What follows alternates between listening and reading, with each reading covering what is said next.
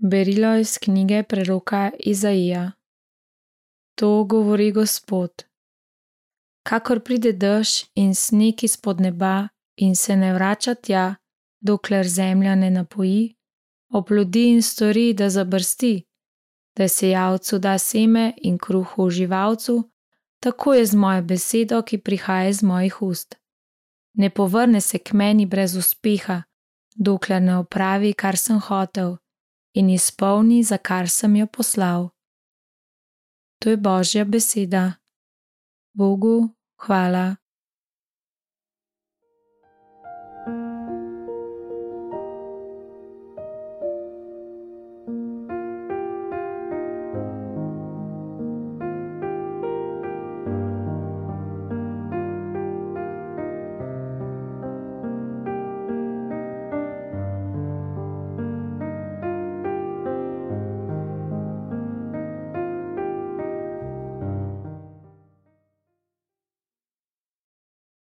Odpev. Gospod me je rešil iz moje stiske. Poveličujte z menoj Gospoda in skupno slavimo njegovo ime. Iskal sem Gospoda in me je uslišal ter me otev vseh mojih strahov. Gospod me je rešil iz moje stiske.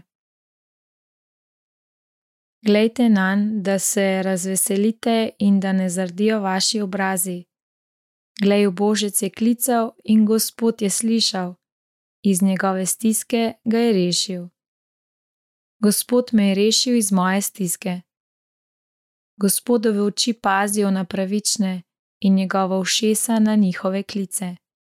Gospodov obraz je proti njim, ki delajo hudo, da zbriše zemlje njihov spomin. Gospod me je rešil iz moje stiske. Ko pravični kličejo, jih Gospod uslišuje in jih rešuje iz vseh njihovih stisk. Blizu je Gospod njim, ki so potrtega srca in v duhu skrušenim pomaga.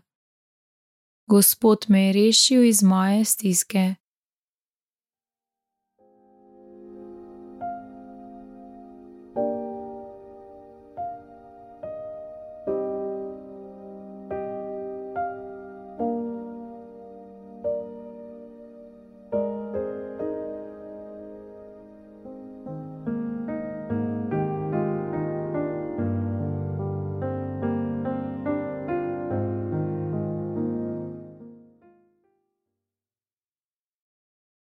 Upam v Gospoda, upam v njegovo besedo, pri njem je obilno rešenje. Iz svetega evangelija po Mateju. Tisti čas je rekel Jezus svojim učencem: Pri molitvi ne blebetajte, kakor pogani, mislijo namreč, da bodo uslišani zaradi svojih mnogih besed.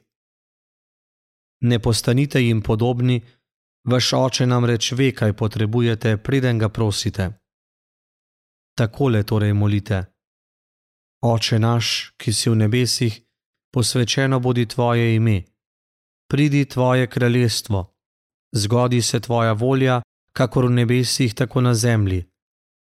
Daj nam danes naš vsakdanji kruh in odpusti nam naše dolge, kakor tudi mi odpuščamo svojim dolžnikom, in ne upeli nas v skušnjavo, temveč reši nas hudega. Če nam reč odpustite ljudem njih pogreške, bo tudi vaš nebeški oče vam odpustil. Če pa ne odpustite ljudem, tudi vaš oče vam ne bo odpustil vaših grehov. To je Kristusov evangelij. Hvala tebi, Kristus.